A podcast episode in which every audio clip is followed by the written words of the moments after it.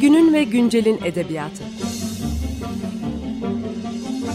Romanlar, hikayeler ve kahramanlar.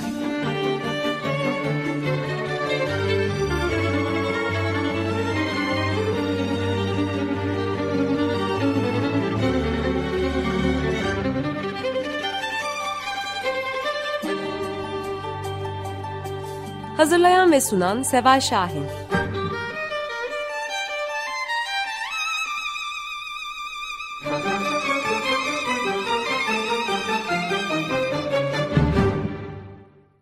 Sizin onaylamanız lazım. Geldi değil mi? Şey diye. Evet onayladım da ben.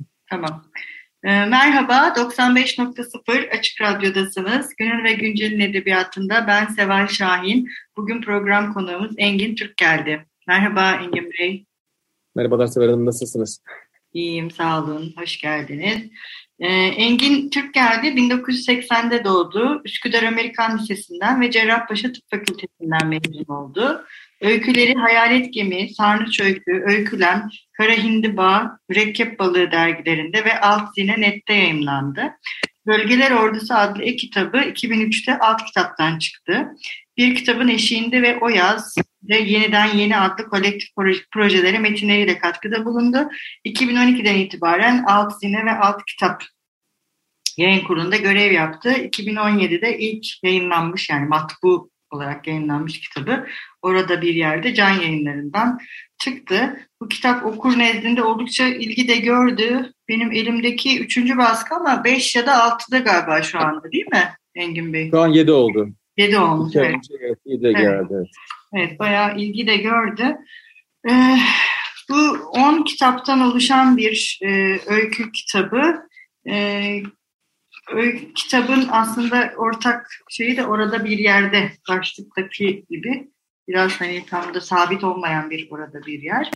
E, bu öykülerde hep böyle bir e, yolculuk ve bekleyişin öne çıktığını görüyoruz özellikle. On öyküde de benim gördüğüm böyle bir şey var. Bir de aslında şöyle ilginç bir şey var. Ben bu yayın dönemini daha çok son dönem e, erkek yazarların eserlerine ayırmaya karar verdim ve arka arkaya bunları okuyorum işte e, ve hep bu temaların yolculuk ve bekleyişin de öne çıktığını görüyorum aslında erkek yazarlarda. Tabii farklı boyutlarda. Bunun üzerine bir düşünmek lazım ayrıca ama peki sizin düşünceniz neydi? Bunları niye, yani öyle mi gerçekten yolculuk ve bekleyiş üzerinden mi kurguladınız? Ya da e, eğer öyleyse de neden böyle yaptınız? Evet aslında dönüp bakınca haklısınız. Ben de belki iki yıl sonra fark ettim böyle bir ana temanın ve en azından ana bir veya ana bir izleyin olduğunu. E, çünkü açıkçası belki de yazarken yani aklımda bir proje vardı. Orada bir yerde bir kitap yazacağım. İşte burada şu, tarz öykü olacak, şu evreni böyle kuracağım deyip baştan sonra 10 tane öykü yazmadım. Aslında bunlar benim e, hani kendi yazın yolculuğumda 2010'dan 2016'ya kadar geçen 6 yılda e, yazdığım öykülerin bir kısmı aslında ve bu bir kısmı yazarken tabii arada güncel çağdaş öyküler de yazmıştım. E, bu okuduğumuz öykülerde aslında şu anki formatlarında, şu anki e, yapılanı değillerdi. Ben bir süre sonra bunları kitaplaşmak istediğim zaman hepsini aynı dünyaya ait olması için bazı ayarlamalar yaptım, bazı küçük e, oyunlar yaptım kendimce. Ve hepsini aynı evrene, aynı dünyaya sokmaya çalıştım. Arkasında bütünlük oluştu. O yüzden mesela bir 6 yılda yayılan bu süre zarfında e, hangi temayı güttüğümü ya da en azından bu kitaptakiler konusundan farkında değilim ama yıllar sonra birkaç sene sonra daha doğrusu bir arkadaşım bahsetti. E, genelde dedi ki yani karakterler çok pasif dedi. Daha çok hani kaderlerine boyun eğmiş. E, ol, olacakları bekleyen, kollayan, çok da fazla aktif rol almayan, görece pasif e, ve daha çok akışla beraber hareket eden insanlar dedi, dedi, olduğunu ifade etti. Kendisi psikologtu. Sonra ben hakikaten fark ettim. Cidden de karakterler böyle. Bunlar benim planladığım e, zamanın ruhuna ait olsun veya kendi merkez olsa yaptığım şeyler değildi. Biraz da dönüp bakınca gördüğüm şeyler. O yüzden demek ki o dönemde bu kişiler bana daha ilginç gelmiş, şarkı daha ilginç gelmiş şey düşündüm. Yolculuk kısmına gelince de yolculuk yani aslında her yani bilmiyorum belki herhalde bir kaç yıldır, 4000 yıldır birçok öykü yazılıyor ve 4000 yıldır yazılırken ciddi kız yolculuk hep var. Çünkü dendiği gibi o ünlü sözde hikaye birinin işte birisi kasabaya gelir veya birisi kasabadan gitmesiyle başlar dediği için yolculukta e, isterseniz öykülere sızmıştır. Ama bu yolculuk bir hep bir yer değiştirme, işte ruhsal yer değiştirme, bulunduğu yerden başka bir yere gitme. Yani o şekilde. Tabii, tabii. Yani tabii, metaforik bir şey var. Bir de tabii çoğunlukla aslında hani bazı insan gönüllü gidiyor. Mesela e, iyi kalpli yolcu öyküsü. Gönüllü bir yer değişme var hasta. O kişi, o yaşlı adam kendi kendine geziyor. Kendi kendine dünya ya da işte o ülkeyi geziyor. Ee, mesela bu Kutsal Öyküsü'ndeki karakter resmen evinden alıkonularak zorla başka bir kente götürülüyor. Ortamı değiştiriyor ama dediğiniz gibi e, tabii bununla beraber fiziksel yerleşimle beraber ruhsal bir değişim veya ruhsal bir e, dönüşümde zorlanmış oluyor isteyerek veya istemeyerek karakter üzerinde. Evet, şimdi bu ben e, arkadaşınızın yorumuna geleceğim pasif karakterler. Ben çok pasif olduklarını düşünmüyorum karakterlerin. Çünkü aslında her öykünün sonunda neredeyse düşünülen bir eylemin aniden çok hızlı bir şekilde ve beklenmedik bir e, eylemselliğe dönüşmesini görüyoruz. Ve bu aslında öykünün e, o e, ne diyeyim eylemselliğini de metaforik bir şeye dönüştürüyor. E, öykü kendi kendinin metaforu oluyor gibi düşündüm. Çünkü her öykünün sonunda böyle bir şey var. Yani o işte pasifmiş gibi görünen karakter birden bir eylemselliğe geçiyor ve bu birden oluyor. Hani onun planlanıp planlanmadığını da bilmiyoruz. Ve aslında o yaptığı andan itibaren öykü başka bir şeye dönüşüyor. Yani o sonunu bilerek okuduğumuzda başka bir şeye dönüşüyor yani. yani biz bu öykülerin hepsinin son cümlesi ilk cümlesi olsa mesela başka bir şeye dönüşüyor ve bir e, kendi kendini e, ne diyeyim okuyan ve kendi üzerine düşünen öykülere de dönüşüyor sanki gibi ve bu da o biraz önce bahsettiğimiz yer değiştirme ve yolculukla da bağlantılı sanırım değil mi? Ya o ilk adımı atıyorlar diyorsunuz. Yani o da evet, e, mesela dediğiniz şey sanırım nerede var? Mesela ilk görüşte ölümde bir anlamda var. 60 ilk gelen 60'a bakıyorum ben de listeye. E, Cüceler, Cüceler Sarayı'nda yine karakter kaderini değiştirmek için bir çaba sarf ediyor. Bunu nasıl terk edilsin. Peygamber de yine aynı şekilde e, o pasif duruşunu en sonunda ayakkabısını giyip sandalını giyip yolları dökülerek o da kendisi de ortaya koyuyor. Dedikleriniz evet onlar da o sonunda ilk adım atma, uzun yola çıkma veya dönüşme başlama adımını atıyorlar. Ee, biraz sürpriz de olsa çoğu, çoğu zamanlık dediğimiz gibi ama bir yandan da mesela bilin saat kulesinin gölgesinde de aslında karakter baştan sona pasif e, ya da kutsal öyküsünde hakikaten bir yerden bir yere savruluyor, savrulan bir insan. E, yemek öyküsünde yine benzer şekilde aslında karakter kendi çok bir şey yapmıyor. Daha çok yine olaylara maruz kalıyor. E, ama dediğim gibi bir yandan da evet o ilk adım atmakta kıymetli gözüküyor. Ee, şey, Düşüneceğim bunun üzerine. Ha, her okurun tabii bu zaten bence iyi metinleri güzel yapan da bu. Yani her okurun orada başka bir şey görmesi. Yani başka bir şeyi e, fark etmesi. E, ben de çok beğendiğim metinler bunlar. Daha önce de sizinle konuşmuştuk galiba ama evet, bir fırsatımız olmadı e, şey için, program için. Çok etkileyici. Bir de şey önemli sanırım. Hani dediniz ya bunları ben kitaplaştırırken biraz bunlarla oynadım. Hani ortak şeyler ekledim. En önemlisi kitabın baştan sona bir atmosfer, aynı atmosferle ilerlemesi. E, bu atmosfer hiç değişmiyor. Yani kahramanlar değişse de, işte mekanlar da değişse e, bir atmosferin değişmemesi bizi e, her hikayede tanıdık bir şeyle karşılaştırıyor aslında. Yani yeni bir şey okuyoruz ama bu aynı e, ne bileyim başka bir ülkenin başka bir yerinin macerası gibi. Zaten öyle sürekli bir kuzey ülkede olan, kuzey ülkeleri ve orada olan bir savaş var. E, ya bu yaptığınız çalışma mesela daha çok bu atmosfer ortak atmosferle ilgili bir çalışma mıydı? Yani sadece tematik bir çalışma değil, hani biçimsel olarak da bir e, aynı atmosferi yaratacak bir şey, ona dair de bir çalışma yaptınız mı kitaplaştırırken? Yani aslında evet yani hem tematik olarak da bir araya gelsin istemiştim hem de bir anda dediğimiz gibi aynı dünya hayat olduklarını okur istesi. Sonuçta e, bir öyküden çıkınca balıktan bağmış geçmek bayağı zor bir şey. Ben kendi okur olarak hani bir anda şöyle mesela güzel bir kitap okuyorum. E, sonra bir sonraki öykü bambaşka bir dünyaya götürüyor. E, hem güzel hem kötü ama ben bir yandan da insanların okurken çok kolay çıkmalarını isterim kitaptan. E, ikinci olarak da en önemlisi aslında bu, benim için buydu. İnandırıcı kılmak istedim bu dünyayı. Dolayısıyla e, insanlar ne kadar tanırlarsa bir yere, bir dünyayı, filmde de olsa, kitapta da olsa, başka bir eserde de olmuş olsa, aşina oldukları bir dünyada daha kolay kendilerini kaybedebiliyorlar. Ve o dünyayı biraz tanıdık hissettikleri zaman biraz daha e, inan, daha gerçek daha olası bir yer olarak görüyorlar. Bunun ikinci bir artısı şu oldu, onu sonradan fark ettim ben de. Ee, insan hani bildiği bir yerdeki bir tuhafta daha çok e, fark ediyor. Yani hep böyle tanıdığı bir yerde farklılık görünce onun o tekilsiz hissini çok daha güzel veriyor. O yüzden de aslında insan ben bu dünyayı biliyorum ama burada her anda her şey olabilir. Bir anda bir şey değişebilir, bir anda kurallar değişebilir hissini vermeye çalıştım. E, bu hem olaylarla oldu. Yani işte mesela Kurdu Kurdu'nun geçtiği sene var, Kuzey Savaşı var, salgının olduğu sene var. E, hem de me- e, mekansal olarak mesela saat kulesinin yapılışını görüyoruz ilk başta. Sonra kitabın sonuna doğru saat kulesi artık terk edilmiş, yıkılmış gibi küçük bina olarak kalmış. Dolayısıyla hem zamansal bir birlik sağlama çalıştım kendi içerisinde bir zaman çizgisi hem de mekansal ve tabii ki bununla beraber olaylara da bağlamaya çalıştım. Örneğin mesela Cüceler Sarayı aslında ilk yazdığım versiyonunda başka bir dergi için ben yazmıştım Cüceler Sarayı'nı. O zaman e, hani bir Osmanlı'da geçen öyküydü aslında. Yani Osmanlı'da bir padişah geçiyordu. İnsanlar işte e, Osmanlı isimleri vesaire. Ve bu öyküye katarken oradaki olayların bir kısmını kırptım. İsimleri belirgin olmayan böyle genel muğlak isimler almaya çalıştım. Hiçbir özellikle bir dine, bir ülkeye, bir zamana işaret etmesin istedim. Ee, bir birkaç detayı da belki mesela şu an hatırlamasam da mesela benim işte bir oraya bir salgın koydum, bir savaş koydum. Yine okurun tanıdık geleceği bir obje koymaya çalıştım ki okura tanıdık gelsin ama biraz da ürpersin istedim açıkçası. O yüzden de hem zamansal hem de mekansal bilgi sağlamaya çalıştım bu çalışmalar içerisindeyken. Evet, e, bir ara verelim. E, isterseniz ne çalalım bugün? Tamam, tabii ki. E, ben aslında şey, e, son öyküye de hani ilham kaynağı olan diyeyim. E, bir şarkı çalmak, paylaşmak istedim sizlerle. E, Nick ve Kylie Minogue'un beraber e, söylediği Where the Wild Roses Grow.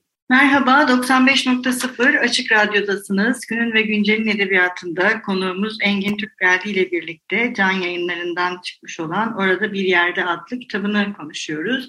E, programımızın ilk kısmında e, kitapta yer alan 10 hikayenin e, ortak e, özelliklerini, tematik ve mekansal olarak onları birleştiren kısımları ve bunların yolculuk ve bekleyişle olan bağlantılarını ve e, kahramanlarını konuştuk. E, şimdi biraz daha buradan devam etmek istiyorum ben. Bir de söz meselesine gelmek istiyorum. E, bunlar bir anlatıcı yani bu kahramanlar. Hep bir şey anlatıyorlar ya da bunlara bir şeyler anlatılıyor. Böyle bir anlatıcılık durumu var. Sanki hani o bahsettiğimiz işte bir yerden bir yere gitme, yer değiştirme hikayesi sözün de taşınılabilirliği, sözün aktarılabilirliği de e, bu kitapta önemli e, gibi duruyor. Bu söz, sözün bu aktarılabilirliği ve anlatıcılık, bu hikaye anlatıcılığı meselesi nedir bu kitapta? Yani şöyle bütüne baktığım zaman şu an e, siz söyledikten sonra tabii sö yani sözel aslında Tabii kitabın genel atmosferi biraz hani kadim bir zamanı sanki işaret ediyor. Direkt hani demesem de şu sene, şu zaman, şu ülke, şu yer diye.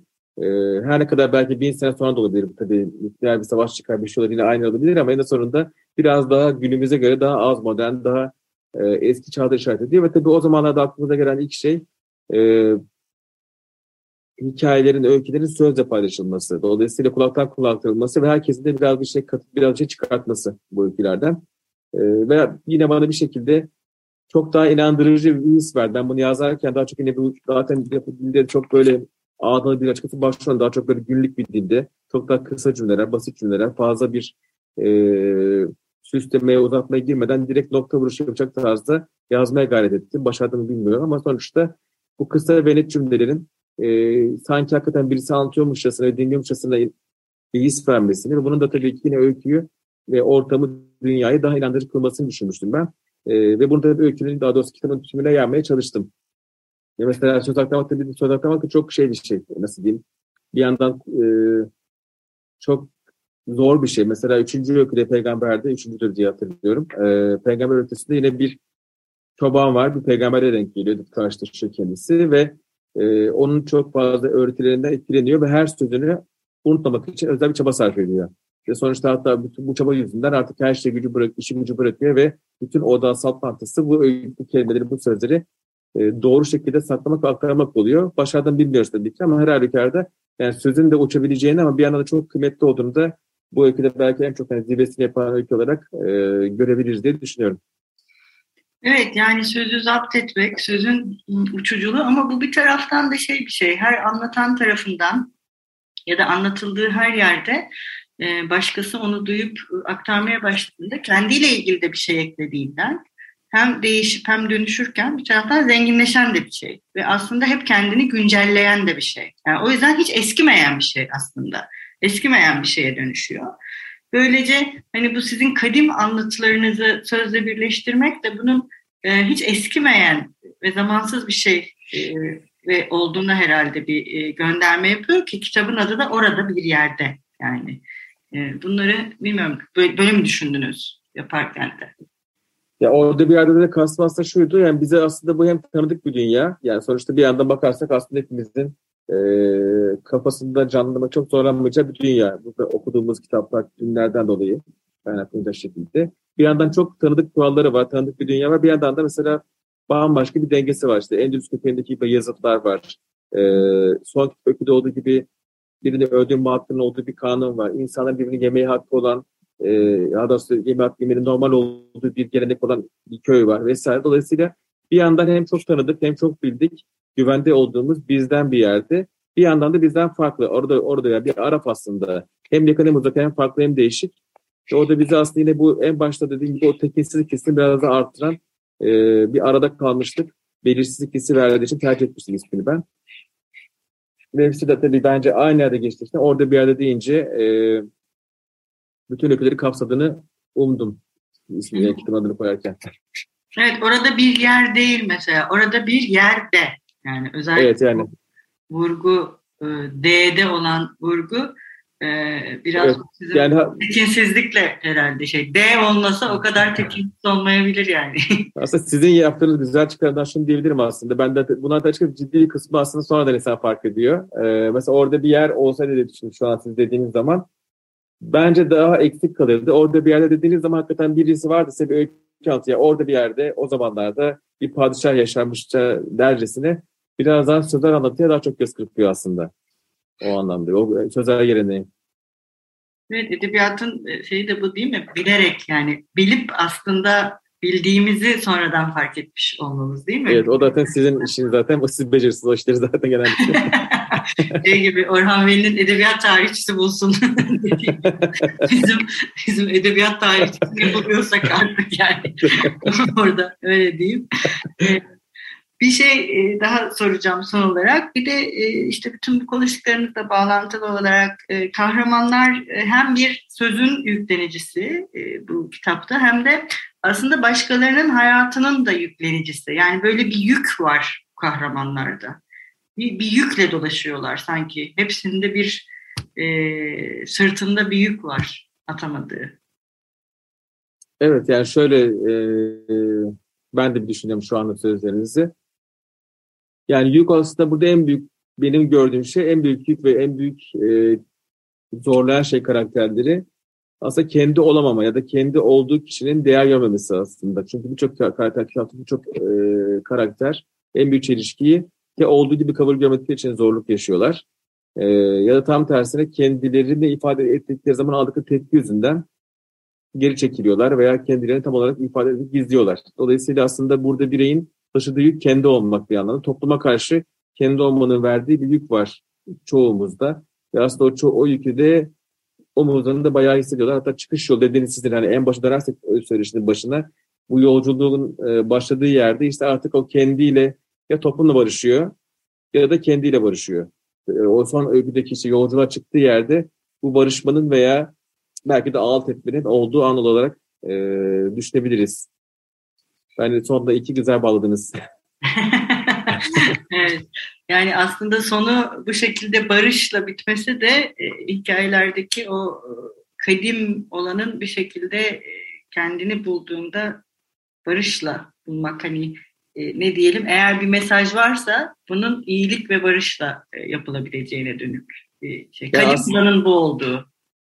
Aslında bana çok insan şey dediğiniz, aslında ben de iyilik ve barış. Hepsi bir barış ve bir kabul de başlıyor veya bitiyor. E, daha bitiyor. Ama birçok insan ilk kitapta hani bunu çok vahşi veya kötü veya ne bileyim sert bulanlarca kötücül bulan çok oldu. Ama ben de dediğiniz gibi içinde kötücüllüğün içerisinde o her öykü bir iyilik ya da işte umut tohumuyla bitiyor. İyilik olmasa bile yani herkese bir kurtuluş umudu vaat ediliyor aslında. Çoğu insan bana çok az çok karamsar öyküler, çok karanlık öyküler oldukları yönündeydi ama e, bence hani bakabildiği zaman dikkatlice insan o son cümlelerde, son paragraflarda bir umut ışığı veya kurtuluş ışığı ölümle bile olmuş olsa insan huzura erdiği bir an bence e, parlayıp sönüyor. O yüzden de yine bence kadim bir şekilde barışla, iyilikle ya da umutla bitiyor diyebiliriz. Evet ne güzel. Bunun gerçek dünyada da böyle olmasını dileyelim bitirirken. Umarız. Evet, e, çok teşekkür ederiz Engin Bey. Sağ olun e, konuğumuz olduğunuz için. E, ben teşekkür ederim, çok sağ olun. Biliyorsunuz yani hem okurlarınız hem de dinleyicilerimiz için bahsettiğimiz eserden bir bölümle yazarımızın okuyarak veda etmesini rica ediyoruz. Siz bugün neyle veda etmek istersiniz? Tabii ki memnuniyetle. Ben de size e, bugün çok bahsi geçti. E, kitaptaki son ilk görüşte ölümden birkaç paragrafla veda edeyim. E, birkaç dakika içinde. Oradaki aslında anlatıcımızın e, tanık olduğu bir anekdotun e, aktarıldığı anı size okumak istiyorum. Çok teşekkür ediyoruz. Buyurun. Ben teşekkür ederim şimdiden. Hoşçakalın. Peki o zaman siz, size sorarım. Bir sanatçı kendi yarattığı bir güzelliği bozabilir mi? Buna hiçbir sanatçının gücüye dayanmaz diye düşünüyorum. Size katılmıyorum saygıdeğer hakim. Bazen öyle bir an gelir ki bir heykeltıraş heykelini parçalayabilir, bir yazar kitabını yakabilir, bir ressam tuvalini yıkabilir. Üstelik bu bir varsayım değil, şahsen şahit olduğum bir olay. Pinda'nın adını eminim duymuşsunuzdur. Ben ünlü saray ressamı Paşuçu'nun henüz kalfasıyken o dönemde daha 23 yaşında olduğu halde ideal olarak gösterildi, gösterildi kendisi. Elleri adeta dans herhalde taşta. Diğerleri taşları ellerini çekişle keskile saldırırken Pin'le onları neredeyse okşayarak işlerdi. Hükümdar onu daim üstündeyken himayesine almış ki duyulmuş şey değildi. Her neyse Pin'le bir gün olağanüstü fikri olduğunu söyleyerek inzivaya çekildi. Atölyesini kimseye almıyordu. Fakat aklını kaybetmişçesine çalıştığını anlamak için içeriden gece gündüz gelen sesleri dinlemek yeterliydi. Bir yılın sonunda sabrı tükenen hükümdar Pin'lerin atölyesini baskın yapar gibi ziyaret etti devasa, gerici bir ile karşılaşan bekler, beklerken tüm zemini kaplayan şekilsiz, irili ufaklı kar beyazı mermer parçaları ve toz karşıladı kendisine. Timler, onu parçaladım dedi. Yaptığım en harika heykeldi. Benzersiz, olağanüstü bir şey. Yapabileceğim en iyi heykel. Şaheserim. Başta onunla gurur duyuyordum. Günlerce seyrettim onu. Fakat sonra gerçeği fark ettim. Şaheserimdi ve hayatım boyunca aşamayacağım bir zirveydi aynı zamanda. Bundan sonra ne yapsam gölgesinde kalacaktı. Ne kadar uğraşsam onu aşamayacaktım. Yarattığım her şey onun yanında anlamsız ve sönük olacaktı. Hayatımın geri kalanını mahvetmemek için onu yok ettim.